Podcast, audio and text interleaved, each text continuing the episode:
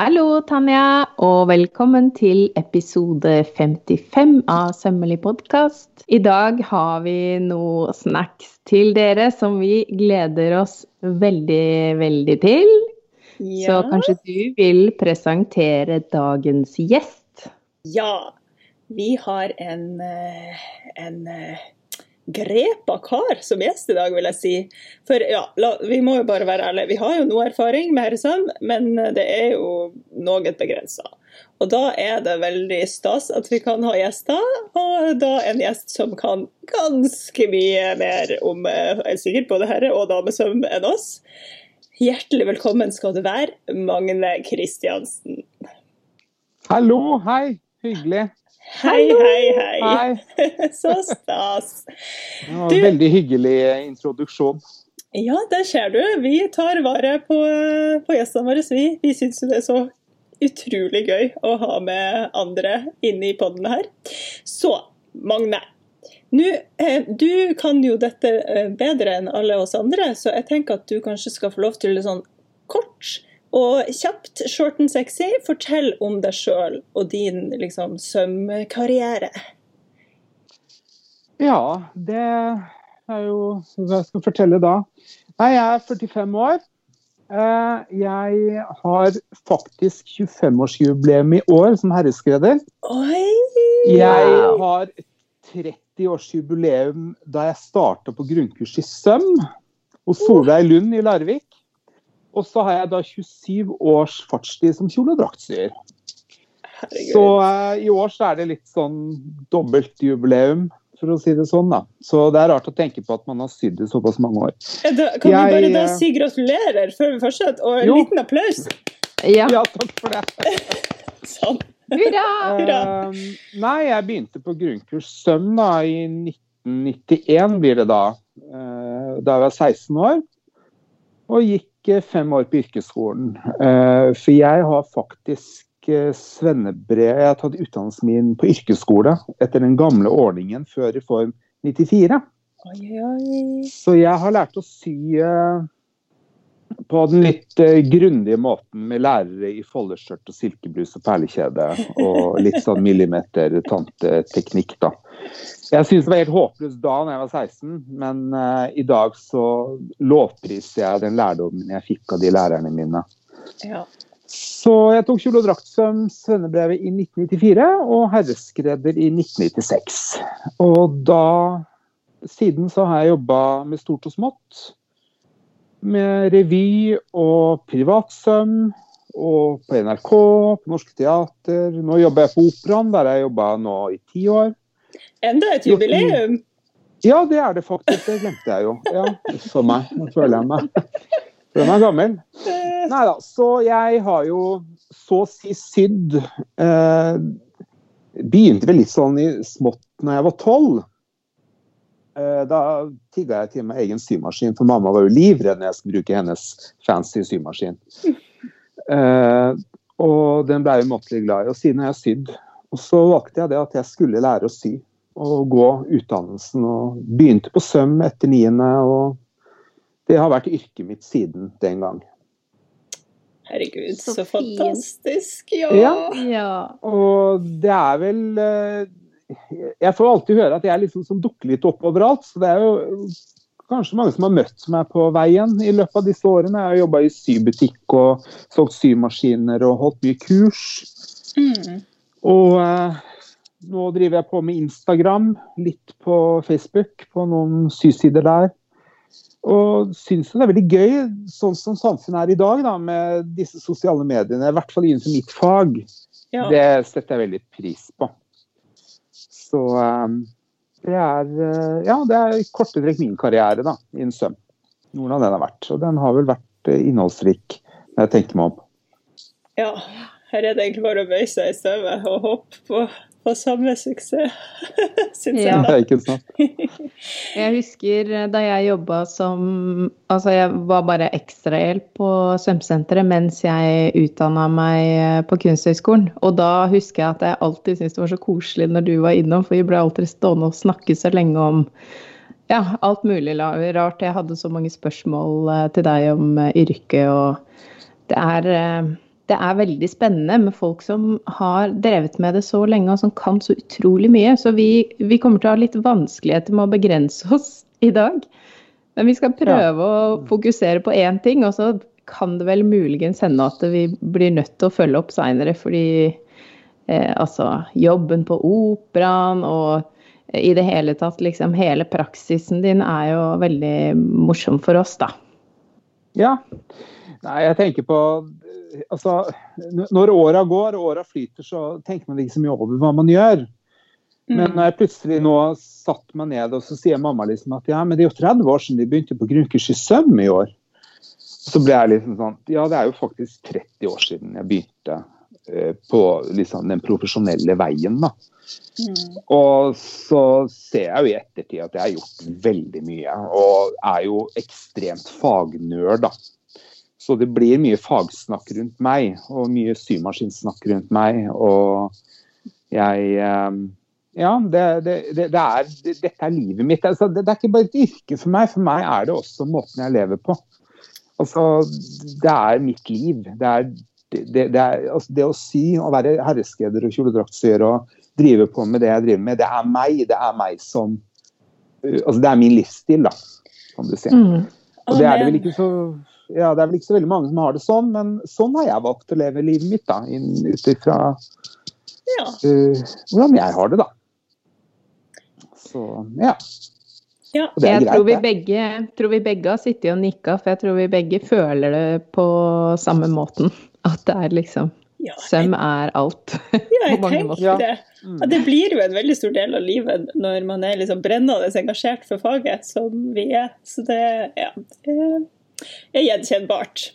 Men du, mm. Magne. Nå, ja. eh, ja, ikke sant, Søm er livet. Men hvor mye av klærne du har i skapet, er egentlig sydd av deg? Vet du hva, Jeg hadde en gjennomgang nå her eh, før jul, og det er ganske mye. Eh, jeg bare ser at jeg har uh, Jeg har noen jeans som jeg har sydd selv. Veldig mye T-skjorter. Og så jeg kaster meg litt sånn på å sy skjorter.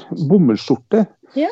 Eh, fordi at jeg finner ikke den mørke, blå bomullsskjorta med enkle detaljer. Jeg finner ikke den på Dressmann.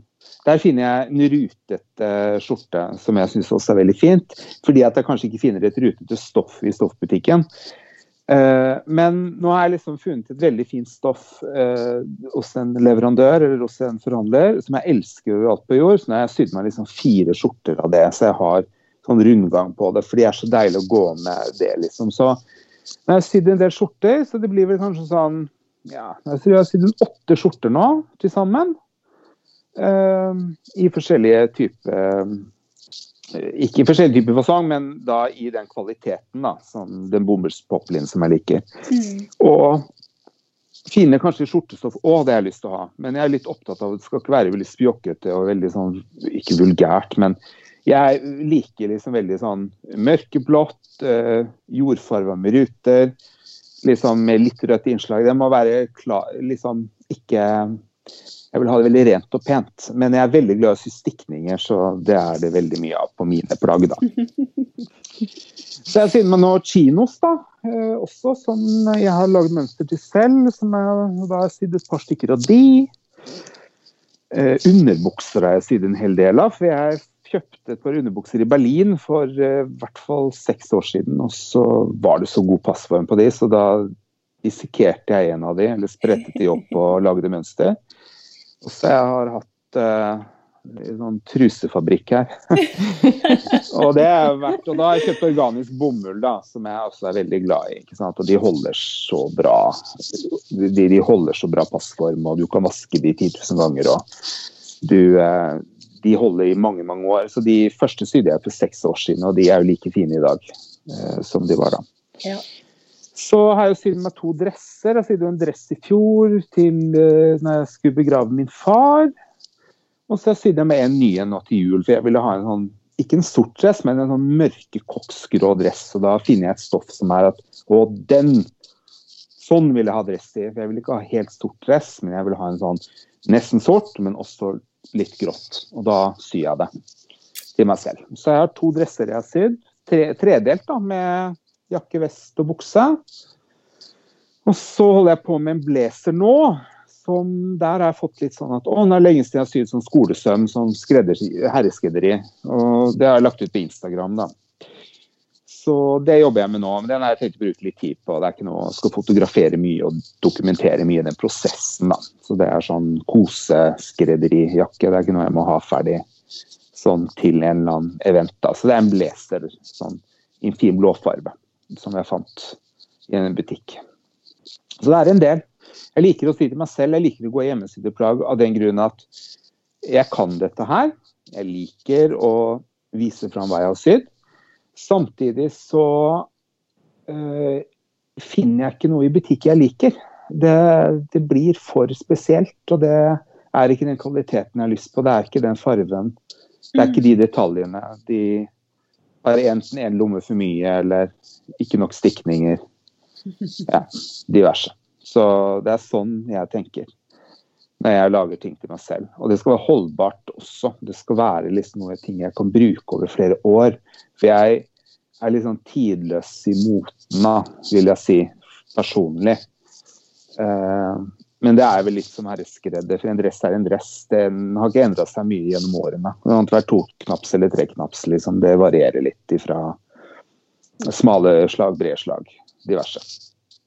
Så ja, det blir en del søm på, til meg selv når jeg har tid. Mm. Eh, og så har jeg jo sydd tidligere en hærskare hettegensere i alle Veldig rene farger, veldig enkle, men eh, liksom i litt sånn forskjellige farger, da. Men det har jeg slutta å gå med, for jeg bare fikk litt panikk etter jeg fylte 45, at det er det nå er hettegenserperioden min over. Så det er rart det der. Plutselig så fant jeg ut at nei, nå er det skjorter som er tingen, da. Så ja. da har det blitt sånn, da. Det er jo greit, syns jeg. Det er jo greit. Og det kan jo hende det kommer tilbake. Det er jo, trenger ikke å ha noe med alder å gjøre, men kanskje du bare ble litt lei? Jeg tror heller det at jeg blir litt lei, tror jeg. Ja.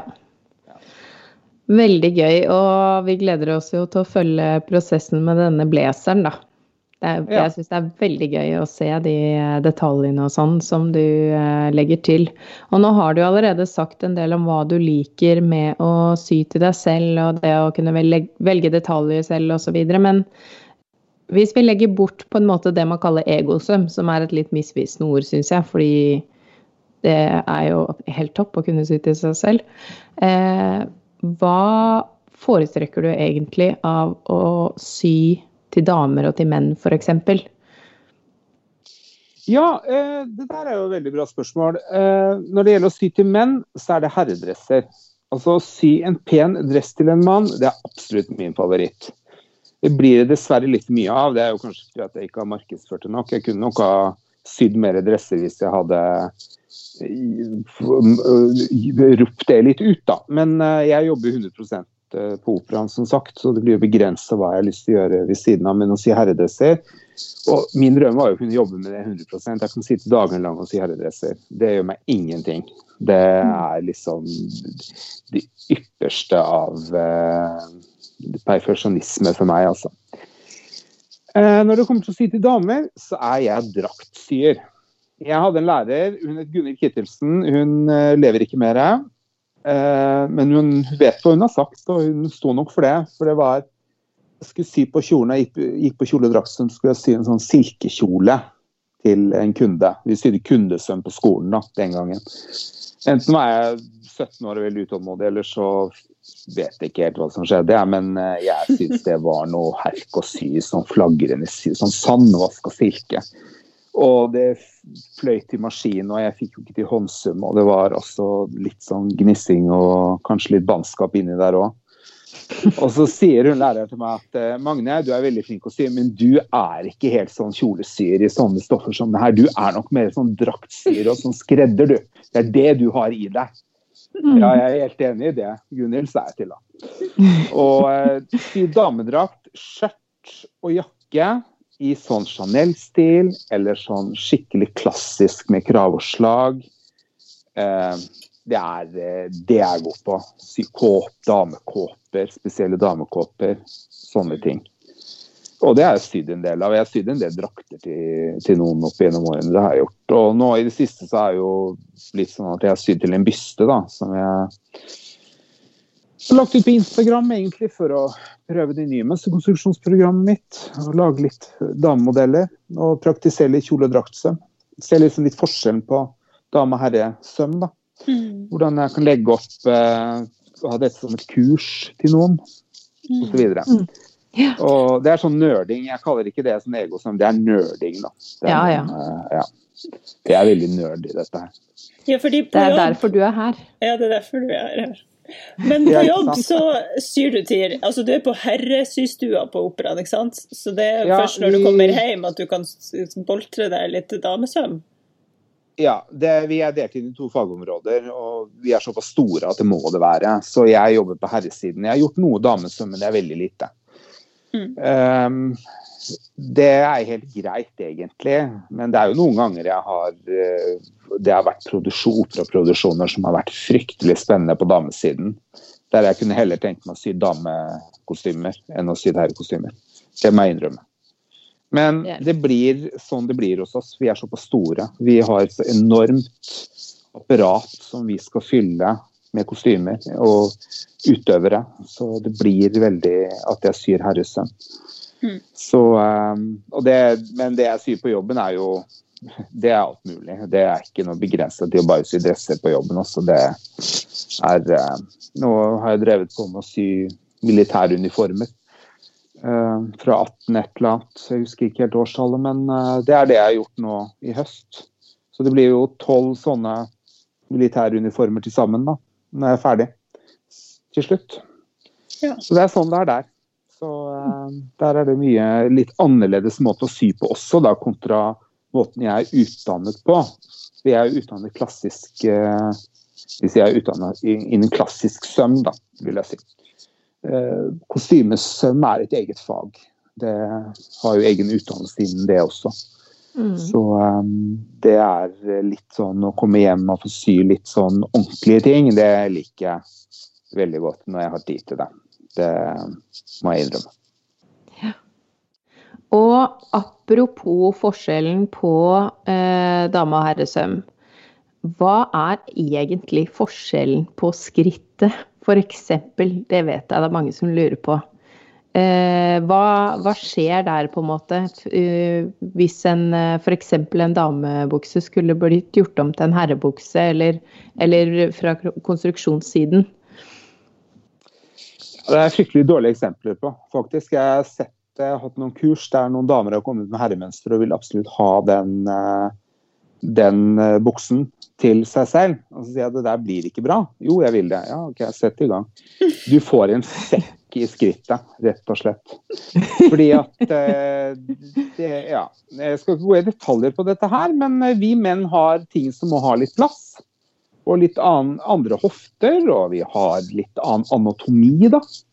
Rett og slett. Og eh, det blir rett og slett eh, sekkete på damer som skal gå i herrebukser. Det syns jeg er lite feminint, eh, rett og slett. Det blir jo som om du skal trekke på en damebukse på en mann, så kan man jo godt tenke seg hva som skjer da, uten at man skal komme i detalj på det. Men det er anatomiske forskjeller som gjør det. Og som sagt, menn trenger mer plass til sine ting og har kanskje eller de har jo andre typer hofter. Mm. Andre ben enn hva de fleste damer har. Mm. Rett og slett. Så skal man lage et mønster til en damebukse, så må man finne en damekonstruksjon. Ikke bruke en herrekonstruksjon, for det blir sjelden en suksess.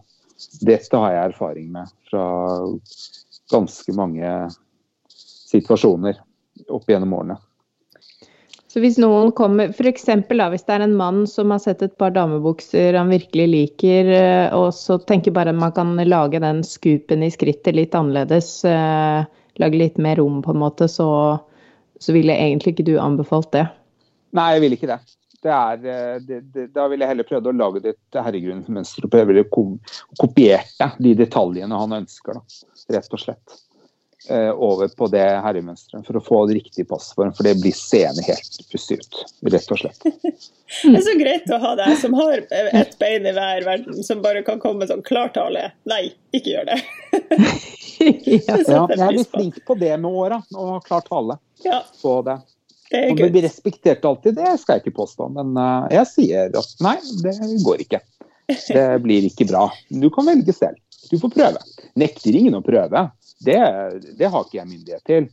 Men eh, som sagt, jeg sier hva jeg syns er riktig ut ifra mitt ståsted, og så får andre prøve å feile hvis de vil.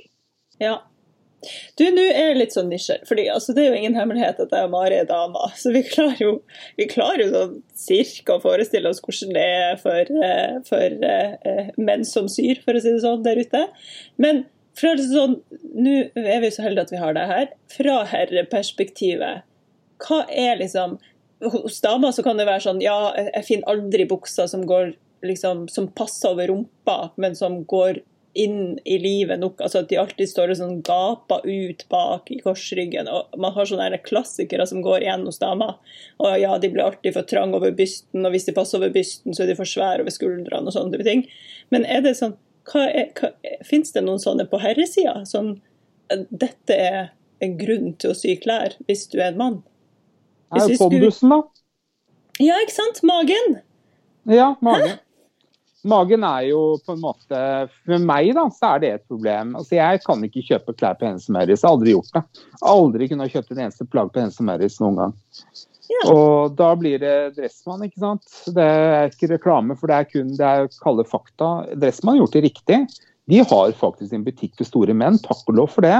For det var det ikke før, og det var det ikke på 90-tallet. Og det var ubehagelig å gå med skjorter som var for trange, fordi at eh, de hadde ikke nok stoff over magen. Det fantes dresser som på en måte ikke hadde balansen i seg. Så det er magen som er problemet. At man har pondus, man har for mye foran, rett og slett. Og det er jo eh, det, det, det er noe jeg på en måte har mye utfordring med på jobben, når jeg syr til uh, operasangere spesielt. Um, og det er det. Det er der folk sliter med, for de finner ikke ting. Det blir for trangt. Det er ikke god balanse i det.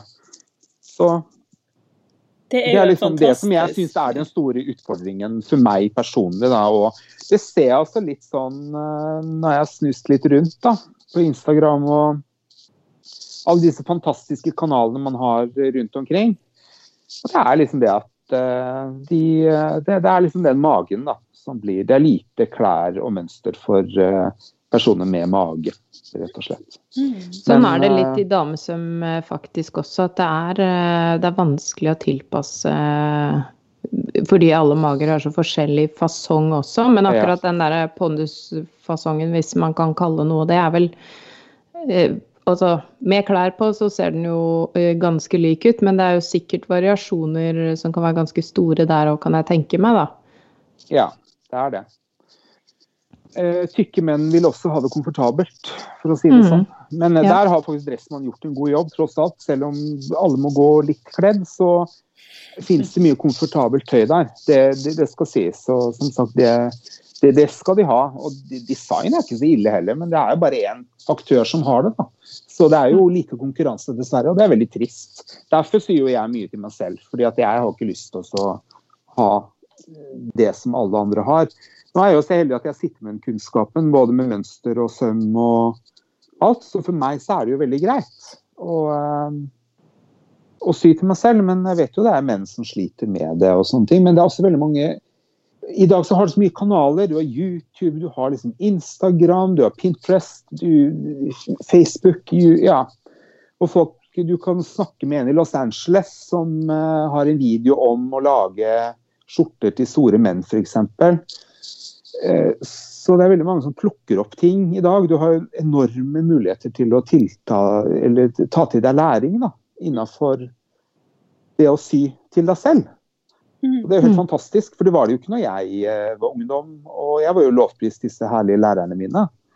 Og måtte jo gå på yrkesskolen for å lære å sy. Det var jo, det var jo sykurs, men det var jo mer eller mindre for enkel damesøm og bunadsskjortebrodering og sånn. Altså, I dag så kan alle lære seg ting hvis de bare ønsker og har tid og tålmodighet, ikke minst. Mhm. Det er vel en fin overgang til eh, fordi nå er det vel sånn at du konstruerer egne mønster, men, eh, men vet du om noen gode herremønster som du ville anbefalt der ute, med tanke på de tingene du har nevnt nå? Nei, i farta så det er jo Jeg syns jo burdamønster faktisk har greie modeller. Eh, men nå vet jeg, nå er det litt mer i USA. Akkurat per nå så har jeg ikke helt oversikten over det. Og nå husker jeg ikke helt navnet på det firmaet som hadde veldig gode herremønstre, spesielt på ytter, yttertøy. Eh, men det kan jeg jo komme finne og sende på en link eventuelt. Ja, det kan vi eh, dele på Instagram ja. i stories, så det går fint. Ja, det kan vi gjøre. Så det er liksom eh, Jeg tror i USA så finner du veldig mye på nettsider der. Kan du finne veldig mye av sånne gode herremønster til menn, da. I Europa så er det ikke Det er ikke så tradisjon for sånne ting, ut ifra hva jeg har sett, da.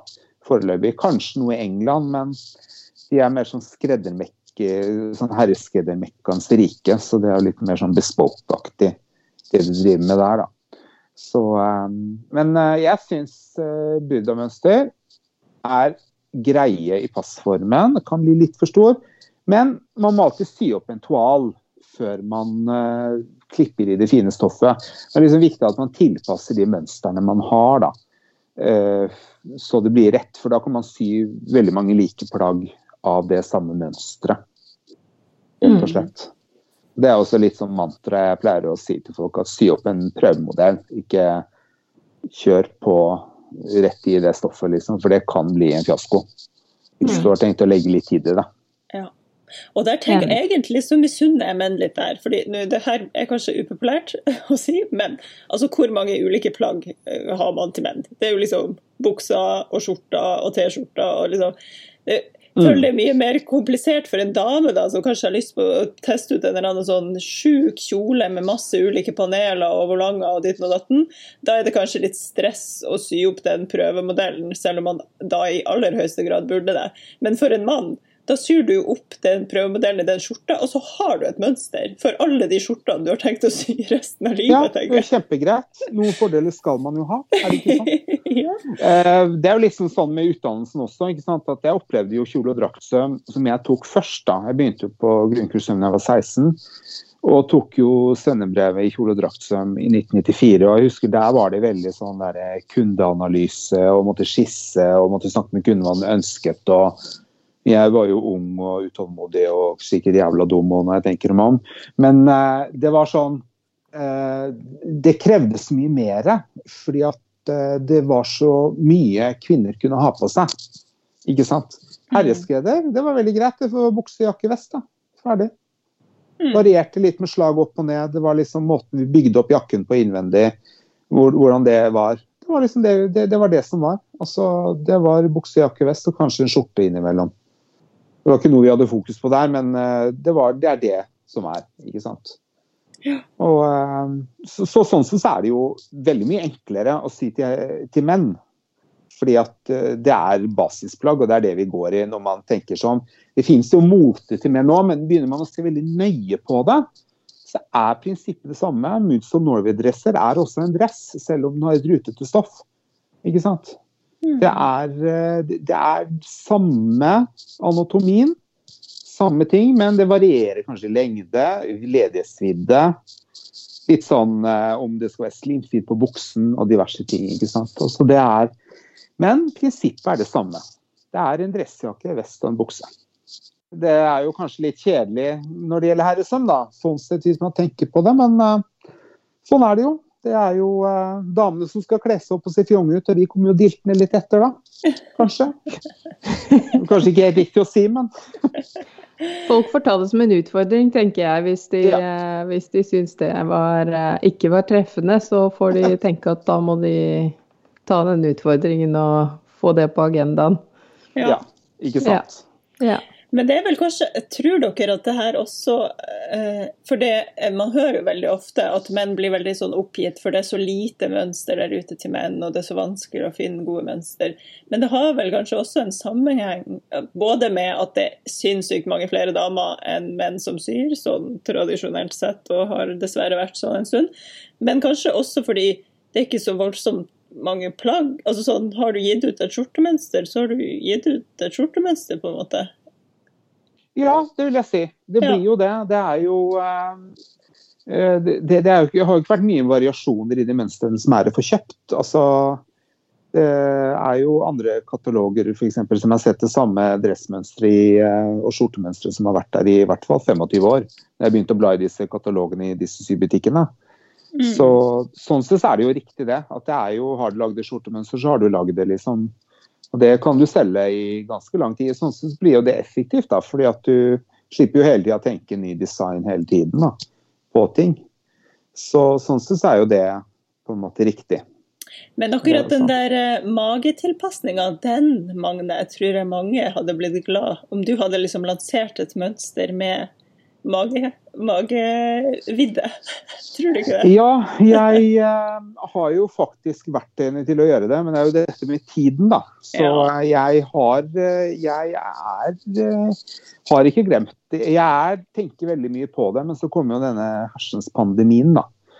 Og det har vært litt sånne utfordringer rundt det. Så, men selvfølgelig, det er I dag så har jeg gått over til mønsterkonstruksjon på data, så jeg jobber med det, men jeg vil liksom slippe det når jeg først har testet det ut litt til ja. meg selv og diverse andre. Men eh, det er i høyeste grad noe jeg kunne tenkt meg å gjøre. fordi at når du har lagd disse modellene, så er det noe som kan ligge der for salg veldig lenge. Uh, og sånn, så, men jeg får, Det er en del menn som sier, men jeg får ikke inntrykk av at det er så veldig mange. Men det er jo ønsket om at uh, konene til disse mennene og samboerne og kjærestene skal si til mennene sine. For det tror jeg de hadde satt pris på. Det, og jeg kan jo bare si at jeg ser på nettbutikken min at det er flere og flere herrenavn. Og det syns jeg er så gøy. Eh, og angående det mønsteret, det her kan vi ta litt på kammerset. Fordi det er mulig man kunne fått litt fortgang om man kunne ha samarbeida litt om akkurat det. Ja, nemlig. Så det, mm, det er jo en tanke, da. Ja. Det syns jeg vi skal snakke mer om. Ja. På kammerset. På kammerset tar vi det. Mm. Ja, men eh, da tenker jeg jo Altså hvis man er nybegynner og har lyst til å begynne å sy herreplagg, eh, hva ville du begynt med da, eller hva ville du anbefalt til en nybegynner? Ja, eh, uff, nå kommer jeg på det der. Jeg er ikke så veldig glad i å si jersey, jeg da. Jeg syns det blir for enkelt for min del. Men jeg skal ikke disse de som gjør det, fordi at jeg syns det er kjempefint at folk gjør det. Og syr det de har lyst på, selv om det er i jersey. Men eh, ja, en T-skjorte er jo relativt enkelt å begynne med. En klassisk T-skjorte og pysjamasbukser. Nå er det veldig basic, da. Ikke sant? Det er sånn T-skjorte og uh, pysjamasbukse med strikk i livet. Det er veldig overkommelig, og det finnes det også greie mønster på. Uh, hvis du vil ha litt mer sånn utfordringer, så kan du kanskje sy den en pysjamas overdel også. Men sy en skjorte. Da lærer du veldig mye. Den første skjorten blir sikkert kjempefiasko, men da syr du et to til, og da, du, da, da sitter det. For en skjorte er på en måte veldig allvennlig, og den krever ikke sånn enormt mye passform. Eh, og da har du veldig fint plagg på en måte som du kan bruke til uh, de fleste sammenhenger. Men uh, det, det, krever jo litt tålmodighet, for det er jo en del detaljer på skjorter som på en måte krever litt nøyaktighet. Men som sagt, jo mer man syr, jo bedre blir man jo. Så den første blir alltid helt jævlig, og så syr man noen til, og da blir det bra. Så det er liksom det som Jeg har ofte Jeg har når jeg har skjortekurs, så har det på en måte blitt en suksess. For da blir folk også ferdige, og de, det er mange detaljer som virker veldig vanskelig, men er veldig overkommelige da, på, eh, på den måten. Så en skjorte er liksom eh, Det er veldig utfordrende. Synes jeg. Mm. Veldig bra å begynne med også, hvis du vil ha litt sånn å bite i. da. En bukse også, men der er det jo ja, det er jo den gylfen da, som eh, på en måte må sitte litt riktig. Men uh, har du øvd litt og fått det litt inn i fingrene, så tar du den neste utfordringen, og det er jo å sy en bukse uh, til deg selv. En fritidsbukse, chinos eller bare enkle jeans f.eks. det er jo på en måte veldig overkommelig, da. Det krever jo kanskje litt mer klippekunnskaper og sånn, men eh, det er også et veldig greit plagg, rett og slett. Så Mm. eh, ja. Kult. Og da blir det liksom, ja, for de mer eh, som vil avansere videre, så er det jo opp i dress. Da tenker jeg man har kommet eh, veldig langt som amatørsyer, hvis man syr sin egen dress. Ja da, det, det har man jo, og det er jo også mulig på sikt, men det krever ganske mye. Det, jeg, skal- ikke ta motet fra noen, men eh, det er, eh, der er det en del fallgruver og sånne ting, så der er det greit å ha noen å rådføre seg med. Men jeg har jo kommet over eh, menn som ikke kanskje er i Norge, da, eller jo, kanskje en som jeg vet om som på en måte jeg tror har lært seg herreskrederi ved hjelp av bøker og YouTube og diverse ting, og det er kjempeimponerende. Mm. Eh, Så det fins jo de også som bare hopper ut i det og setter i gang og prøver og feiler og får det til. Det tar jeg med hatten overfor, altså. Det må jeg si. Så eh, det, det, det fins de også. Så Menn er kanskje litt gærne, da. De bare hopper ut i det og tar det som en utfordring. Jeg vet ikke. Det er Mm. kanskje mulig. mulig. Jeg Det er veldig, det. Veldig vanlig at det, det, er, det er et eller annet med en sånn medfødt selvtillit som en del damer ikke har, virker det som. Det er Men eh, det er nok også patriarkiet. forskjeller. Jeg tror ikke Mm. det er medfødt, jeg tror det er samfunn, samfunnet. Men, Jo, jo, det er sant. Jeg er Ja. litt enig i det. Ja. men det er deilig å, ha, å, ha, å høre Jeg syns det er deilig å høre en mann prate om søm. Fordi det er som du sier, Mm. ja ja, den første skjorta blir jævlig. Mens liksom damer kan jo bli veldig sånn motløse, og at det blir så precious at det skal, de skal liksom være flinke, og alt skal liksom være pent med en gang. og og ja, ikke sant? Og så har man det gående, for da slår man jo motet ut av seg før man har begynt. Mens menn er jo litt mer sånn der «Hæ? Hæ? Hæ? Nå sier vi. Dette går bra. ja, Det er digg. Eh, Jeg vil komme med en oppfordring til alle som syr, og som syr på hobbybasis og uansett hva. Vær så snill, vær tålmodig, og gi det en sjanse. Ikke gi opp ved første oppspretting. Det er, jeg har sprettet opp så utrolig mange ganger og fått et bedre resultat. Vær så snill og vær tålmodig, og kos dere med det, og sy med den sømmen dere har. Og det blir bedre jo mer dere syr. Syr dere bare én gang og gir opp, så blir det ikke noe bra. For vi vet ikke videre hvordan det blir. Så vær tålmodig med det dere gjør. Legg deres flid i det og vær stolt av det dere gjør, rett og slett. Det er mitt sånn eh, store oppfordring til folk der ute. Tålmodighet. Amen. Amen. Ja. Forsamlinga var enig her, for å si det sånn. ja. Ja. Det er bra. Ja. Skal vi se Er det Er det er deg. Ja, det er meg, ikke sant? Og da Ja. lurer jeg litt på hvordan jeg skal formulere det her. Eh, Fordi, igjen Vi som damer det er kanskje ting som glipper for oss, eller som ikke vi klarer å sette oss inn i når det gjelder herresøm. Men ikke sant, er det noe spesielt man bør tenke på? Jeg tenker liksom eh, I um, damesøm så er det vanlig å formgi med panelsømmer, ikke sant? og det blir holdning over bysten og la-la-la, litt sånne finurligheter. Eh, er det noen sånne type sømtekniske ting når man syr til herre, eller er det liksom bare veldig mye enklere å sy til herre? Eh, Hva tenker du på da? Tenker du på en måte en dressjakke nå, eller tenker du generelt andre Nei. ting? Jeg tenker litt sånn generelt i, i alle eh, Ja, hva slags plagg som helst. Kommer du på noe sånn at dette er veldig typisk for herre, og det ser man ikke i damesøm? Ja, det, kan jeg, det, det er helt riktig. Det kan jeg komme inn på. Eh, det der med herredresser, da. Det er jo eh, Ja, det er, det er jo veldig mange som har eh, sagt det at nei, jeg kan også si herreleser, liksom, det spiller ikke noen rolle og sånne ting. Nei, det, det Ja, si gjerne det, men jeg tenker at eh, Ja, jeg ser at du ikke har presset hardt nok. Jeg har ser at eh, det er litt slapt over skulderen. Jeg ser liksom det at dette herreplagget ser feminint ut. Nå tar jeg det litt ekstremt. Fordi at en herredress da, den er bygd opp på en annen måte enn en damejakke. fordi at På damer så kan du legge inn snitt, du kan legge inn panelstømmer. Det skal på en måte vise litt den feminine formen på en dame. ikke sant? Altså skal vise liksom litt den derre den skal se fjong og fin ut, og fin midje og vepsetalje og alle de detaljene der. Men, uh, si, men en herredress ser ut som en champagnekork, men den er bygd opp innvendig på en annen måte. For der har du mye mer strie og vatt som bygger opp en dress over skuldrene. Som gjør at den på en måte ser mer sånn sharp ut. da.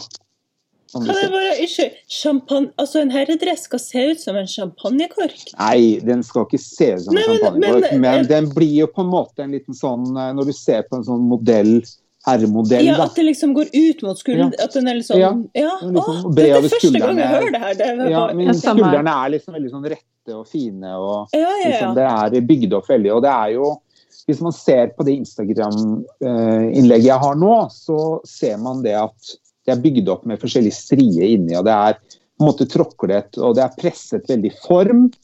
Det er liksom, eh, liksom hard press for å få det til å få litt maskulint uttrykk. Eh, slaget på en måte, Brukten på slaget er presset ned for å få mm. det til mye mer sånn skarpere, for å få litt mer sånn uttrykk. da, Rett og slett. Et sånn mer skarpere uttrykk. For kanskje å framheve det maskuline det var vel det som på en måte jeg lærte i sin tid, at det var sånn det var. Men uh, om det er politisk korrekt å bruke det i dag, det vet jeg ikke. Men det er i hvert fall sånn jeg tenker at en herre, en, eh, en mann må ikke se feminin ut i det som blir sydd, for da blir det ikke uh, Da er det ikke helt sånn det skal være. Da er det ikke det riktige herresøm, da. Ikke sant? Mm. Det ja, og, det, sånn og det feminine uttrykket det ligger liksom til og med i hvordan man presser åpen sømmene. Ja. Liksom, ja. Mm. ja. det gjør det. Uh, og jeg, jeg, er jo som sagt utdannet klassisk herreskredder.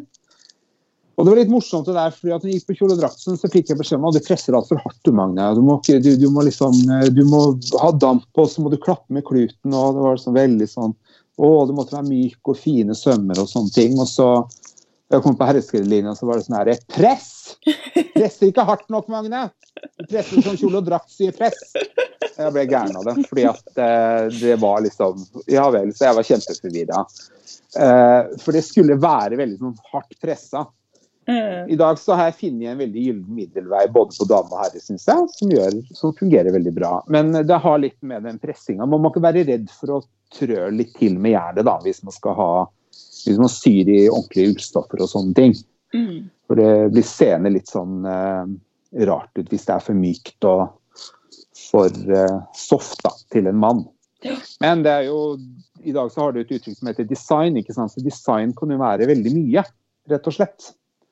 Så, og jeg synes jo Mange ganger så fikk jeg et oppdrag for veldig masse år siden til en dansegruppe. husker jeg ikke helt hvem det var, men jeg skulle si herredresser. En tredelt herredress til damer, da. Jeg syns det ble rart, altså. Jeg må si det. Det, det ble litt pussig å ha den derre maskuline preget på en dame. Det gjorde meg ingenting, men det ble liksom, liksom krøll opp i mitt hode, da. Mitt herreskrederhode. Det ble liksom litt sånn matplassert, litt der, der. Det ble fint for all del, men det var liksom ikke helt sånn som jeg Jeg syns en damedrakt som er figursky til en dame, er mye finere enn en sånn herredress. Så, ja. Men uh, det er jo sånn jeg er kanskje litt konservativ på den måten. Ja, men jeg tenker at man har jo med seg det man har lært liksom i sekken. Og, og uh, det handler jo også kanskje litt om smak. Altså sånn Hvis, hvis du personlig, din personlige smak og kanskje også litt innlært smak av disse fantastiske lærerne, er at hard press er maskulint, så er det jo det man har med seg liksom, i de brillene man har på seg. Ja, ikke sant. Så, men for all del, jeg eh, er ikke noe sånn som går og kritiserer folk. og uh, Folk må gjøre absolutt hva de vil, og folk må synes hva det liksom Mange folk gjør en fantastisk jobb der ute med å sy, og syr utrolig mye flotte ting til seg selv og til andre. Så det er veldig gøy å se på hva folk får til. Gøy. Gøy, gøy, gøy. Mm. Altså, jeg må jo si at eh, presseteknikk, det spørs det om vi må spørre deg mer om eh, seinere. Fordi jeg ble altså som en unge satt her med ørene på stilk. Jeg syns det er så gøy. eh, vi, det er jo eh, Vi er jo nerder hele gjengen her. Så det er jo det som, eh, Det er jo derfor det er så gøy for oss også å ha det her. Um, men hvis man uh, liksom vil ha litt av det her skredderteknikk Altså hvis man vil ha noe av denne skredderteknikken med seg i hverdagen i sin sypraksis, har du noen tips eller noen sånne små, litt småsnacks til oss som ikke har den bakgrunnen, men som veldig gjerne vil lære? Eh, hva tenker du på da? Tenker du på bruk av Liselin, eller med teknikker på liksom Hva tenker du på innlegg, fòr, altså snitt? Altså, er det noe spesifikt du tenker på? Altså, det er jo et stort fag, så jeg skjønner at det var et litt diffust uh, spørsmål. Men eksempel, da, jeg gikk i klasse med ei som var utdanna herreskredder. Så, og jeg syns alltid det var så fascinerende å se på liksom, hvordan hun gjorde ting. Hun lærte meg bl.a. å montere i ermer flatt med en sånn liten hjelpesøm oppå ermetoppen, og så at man sydde opp fra hver side. Mm. Det var et sånn skreddertips som jeg tok med meg videre, da. F.eks. sånne ting.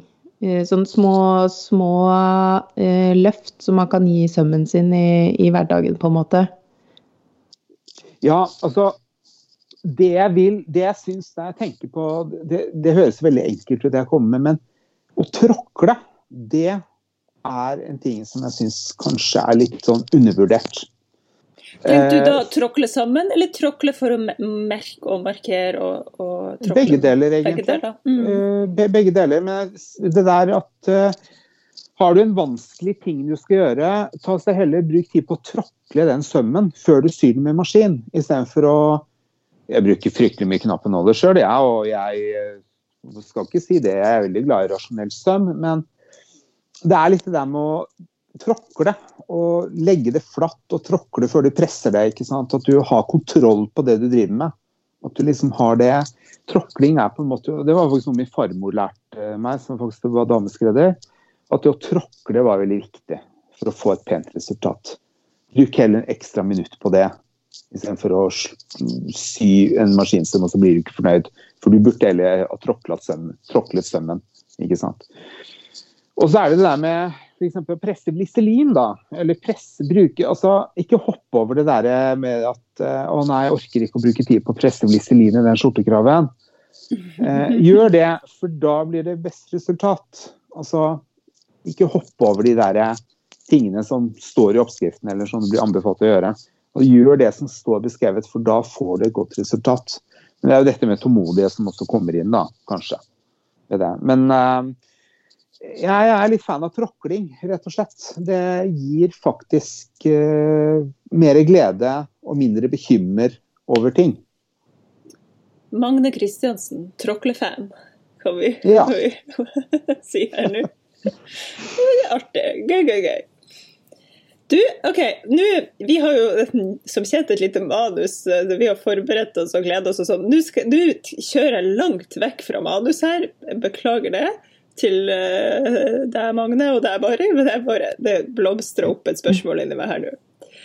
Fordi uh, Magne, du er jo ikke ukjent på SoMe, det er jo ikke vi heller. Og der ser man jo en, en sånn spesiell uh, strain, eller hva jeg skal si, spesiell rase menn som syr. Som er altså helt hodestups inn i alt det der tekniske sånn Gore-Tex og eh, turjakke, og de, de, syr de villeste ting. Nå kjenner jeg deg litt, så jeg vet jo at du kanskje ikke er en toppturmann. Men er dette noe du har gitt deg ut på på noe som helst tidspunkt? Eh, hva sier sånne fritidstøy, tenker du på? Eller i Gore-Tex ja. og Ja, ja, det, jeg gjør Jeg sydde jo Jeg syr jo ca. én gang i året, da. Nå må jeg prøve å begrense det, fordi at det blir jo mye sånne parkasser. Ja, du syr eh, parkas? Eh, ja, jeg syr sånn mm. yttertøyparkas. Og nå sydde jeg en i oilskin, sånn dry oilskin her nå i høst, og det er jeg veldig glad for. Jo da, jeg syr sånne ting, og det er kjempekult. Ja. Og jeg, altså, tykke menn må jo også ha regntøy. Vi har jo frysebubåt. Så det er jo også noe som absolutt er veldig, det er veldig gøy å sy. For der kan du fråtse i detaljer og stikninger og glidelåser og bånd og snorer og knapphull og ja. Ja. Det er jo en i Bergen da, som er veldig dyktig på det der. Han er veldig flink på Gore-Tex og sånne ting. Han Mm. uh, virkelig hoppa uti det og gjør veldig mye sånne flotte ting. Og der er det jo det med passform også kanskje ikke helt eh, Der kan det være litt vidde på, og det kan gjøres litt sånne praktiske løsninger og sånne ting. Det er mye strikk og mye eh, Ja. Men det har jo Det er veldig overkommelige ting å sy, da. Til herrer. Sånn yttertøy, da. Rett og slett. I alle de tekniske stoffene. ja. Eh, og det krever vel kanskje ikke så mye Det, det, det er vel ikke skreddersøm, vil jeg si. Det er jo mer sånn ja, high-tech-søm. Eh, ja, det krever mye presisjon, da, rett og slett. Mm. Det ser jeg for meg appellerer til menn, av en eller annen grunn. At eh, det er tekniske stoffer, og at det er litt sånn røft og tøft. Og at eh, man kanskje må ha en litt sånn ekstra kraftig maskin for å klare å sy det. Da, da ser jeg for meg at sånne mannemenn blir glad i å sy. Ja, eh, kan vi ta eksempel på broren min. da, Han syr båtkalasjer. Ja. Og reparere båtkalesjer, så han kjøpte jo en brukt maskin av meg som bare sier rettsøm, da, sånn eh, bordmodell. For han ville da reparere båtkalesjer. Det er liksom eh, Jeg kan ikke se, se meg han sier en bunadsskjorte som men båtkalesjer, det er han god på, altså. Det er eh, skikkelig teknisk. Så, og det er det veldig mange menn som gjør. Båtputer og båtkalesjer og sånne seil til seilbåten sin og alt mulig. Det fins virkelig der ute at de gjør. Så det er jo også, så, så, sånn søm er jo veldig aktuelt for menn, vil jeg si. ja. Ja, nå syns jo jeg at det passer da med en glidende overgang på eh, Magnes eh, innspo, altså ukas innspo, Magne spesial. Har du noe du vil dele, Magne? Ja, jeg, jeg følger en på Instagram og på internett som heter Rory Duff, Duffy, tror han heter. Rory Duffy. Han er en sånn han var en sånn prisbelønt herreskredder fra Irland som har praktisert i London, og som nå driver på New York, og som har en sånn tailoring school, online tailoring school, og har lagd en sånn YouTube-serie om making a coat.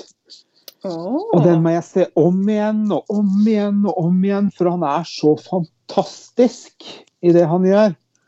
Og jeg blir bare sånn der at jeg er ikke herreskreder når jeg ser på han. Jeg bare har så lyst til å jobbe sammen med han og lære å sy av han. Uh, vi er like gamle, litt morsomt nok også, da, så det er litt sånn eh, Men uh, han er å, det er så utrolig flott det han gjør. Og det, det, ja, det, han, det begynner med liksom at han lager den der labelen sin på en gammeldags skrivemaskin.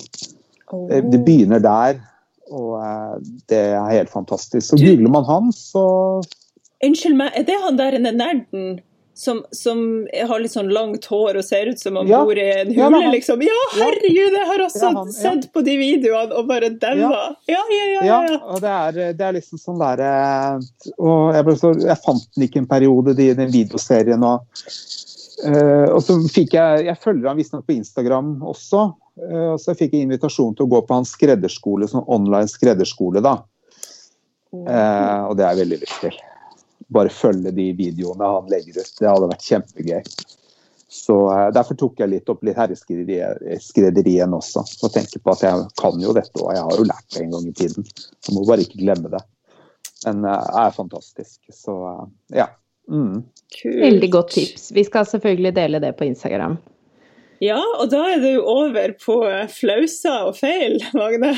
Nå, vi har jo det her hver uke, ukas feil, så du håper vi at du har en saftig eh, feilsøm å dele med oss og lytterne våre. Ja, jeg har en fantastisk god gammel symaskin som ikke har undertrådvarsling. Det er stadig vekk jeg syr en søm, og den undertråden er tom. Den er altså klassisk meg, altså. Det er eh, den undertråden, altså. Den går fort tom på den symaskinen. Eh, og da lovpriser jeg hver gang at jeg har mer moderne maskiner som gir beskjed om at nå er det 20% undertråd igjen. Det er jeg veldig fornøyd med. Men eh, det der med å ikke ha noe undertråd, det er en sånn som har fulgt meg hele min karriere. Altså. Det Hvordan, er, eh, hva, hva er reaksjonen da? Blir du bare sånn ja ja, der skjedde det igjen? Eller er det liksom ja, knyttneven er i liksom, bordet? Ja, ja, selvfølgelig. Jeg, burde, jeg klarer aldri å skjønne det at noen symaskin får en veldig fin lyd, og sømmel blir fryktelig pen, så er det noe som er galt. Jeg klarer aldri, etter 30 år, å skjønne at noe er galt. Og da har jeg sydd hele sømmen, og sømmen blir helt perfekt. Alt gikk fint. Nei da, det er ikke undertråd i symaskin, da, så det må jo gjøres på nytt. Det er noe med det. De peneste sømmene er de man syr uten undertråd. Er det ikke litt sånn, Ja. altså? Ja. Nei, det er den derre Nei, den dukker stadig opp, altså. Akkurat den derre der. Rett og slett. All, alle lytterne nikker gjenkjennende, tror jeg. Det tipper jeg òg. Ja, men så kult! Du, Helledusan, nok en gang. Vi kunne jo prata både langt og lenge om veldig mye mer, for vi vet jo også at du er en ivrig symaskinentusiast, og at du har dette programmet der du lager mønster som vi egentlig er supernysgjerrige på. Så jeg tror vi bare eh, nok en gang, det sier vi til Det har vi sagt til alle gjestene så langt.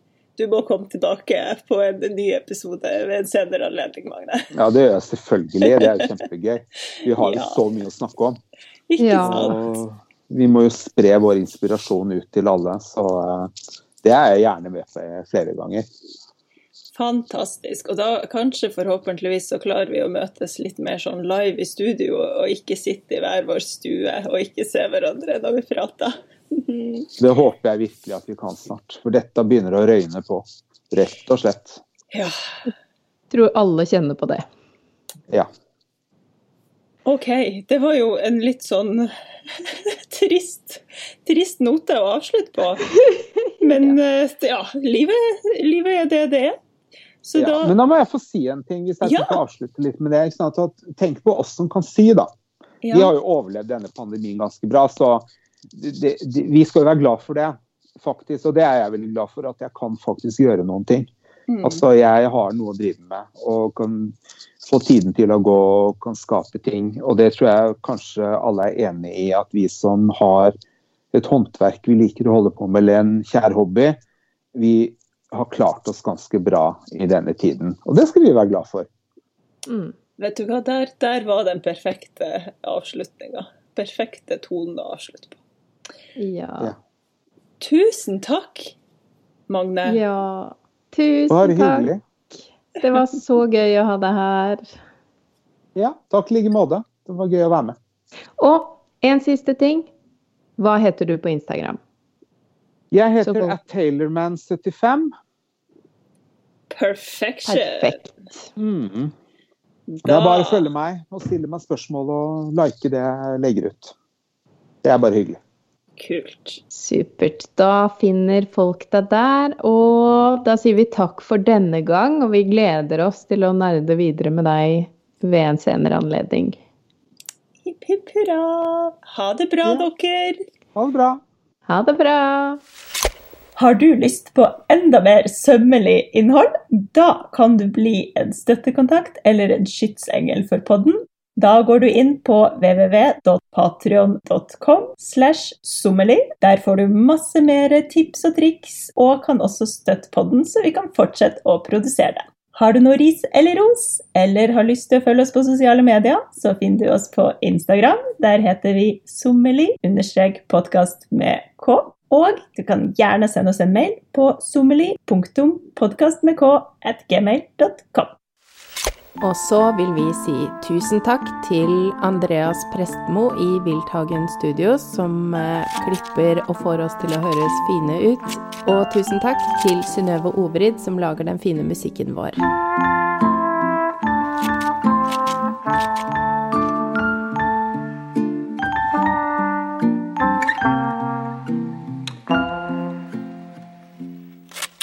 www.patreon.com slash sommeli.